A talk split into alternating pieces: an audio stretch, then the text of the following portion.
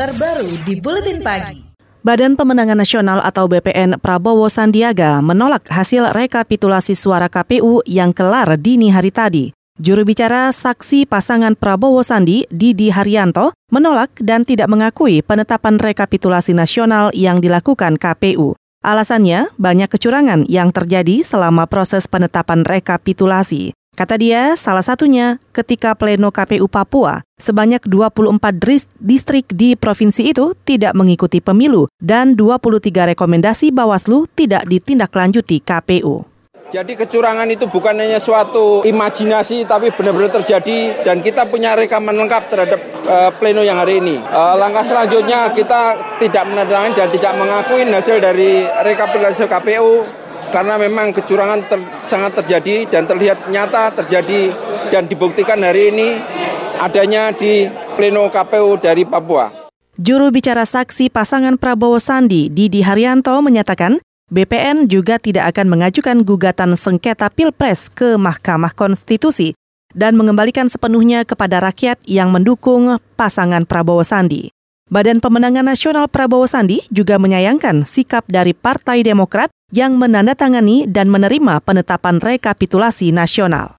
Sementara dari kubu Jokowi Ma'ruf Amin menyayangkan penolakan penetapan rekapitulasi nasional dari kubu Prabowo Sandi. Juru bicara saksi Jokowi Ma'ruf Amin Igusti Putu Arta mengatakan kubu Prabowo Sandi harusnya ikhlas dan berbesar hati menerima hasil pemilu dengan baik dan berkontestasi lima tahun mendatang. Menurutnya, saat ini pasangan Jokowi Ma'ruf Amin sedang diberikan mandat yang lebih besar oleh rakyat dibandingkan pasangan Prabowo Sandi. Mandat yang lebih banyak kepada kami, saya ingin mengatakan pasangan calon 02 tidak berarti kalah, tetapi mandatnya uh, apa namanya kurang dari kami. Kami yang mendapat mandat lebih itu dan karena itu kita berdoa agar pasangan kita bisa melaksanakan tugas-tugas kenegaraan lima tahun ke depan dengan baik. Juru bicara saksi Jokowi Maruf Amin Igusti Putu Arta mengatakan dari proses rekapitulasi nasional di KPU, dinamika rekapitulasi hanya terjadi saat rekapitulasi Kuala Lumpur dan Papua, sehingga tuduhan kecurangan manipulasi suara terbantahkan lewat pleno penetapan rekapitulasi nasional ini. Tim kampanye nasional Jokowi Ma'ruf bahkan siap menghadapi tahapan berikutnya jika pasangan Capres 02 ingin mengajukan sengketa hasil Pilpres ke Mahkamah Konstitusi.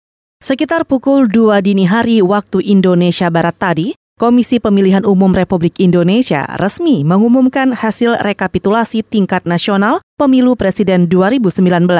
Dari hasil rekapitulasi itu, pasangan Capres-Cawapres nomor urut 1 Jokowi Ma'ruf unggul dengan 55,5 persen suara dibandingkan pesaingnya Prabowo Subianto Sandiaga Uno dengan 44,5 persen perolehan suara. Ketua KPU Arief Budiman menyatakan pasangan Jokowi Ma'ruf unggul di 21 provinsi, sementara pasangan Prabowo Sandi hanya unggul di 13 provinsi. Rekapitulasi hasil penghitungan perolehan suara dan hasil pemilihan umum tahun 2019 sebagaimana dimaksud dalam diktum ke-1 sampai dengan diktum ke-5 ditetapkan pada hari Selasa tanggal 21 Mei 2019 pukul 01.46 waktu Indonesia bagian Barat. Ketujuh, keputusan ini mulai berlaku pada tanggal ditetapkan. Ditetapkan di Jakarta pada tanggal 21 Mei 2019. Ketua Komisi Pemilihan Umum Republik Indonesia Arief Budiman. Ketua KPU Arief Budiman menambahkan dalam 3 kali 24 jam ke depan sejak ditetapkan menjadi masa untuk mengajukan sengketa hasil perolehan suara. Arief menyebut tidak ada pengajuan sengketa, maka akan dilanjutkan dengan penetapan calon terpilih. Namun jika ada pengajuan sengketa, maka KPU akan menunggu hingga keluarnya keputusan Mahkamah Konstitusi. Sementara hasil perolehan suara Partai Politik Nasional Partai Demokrasi Indonesia Perjuangan meraih suara terbanyak dengan persentase 19,33 persen, diikuti Partai Gerindra, Gerindra 12,57 persen dan Partai Golkar 12,31 persen. KBR, inspiratif, terpercaya.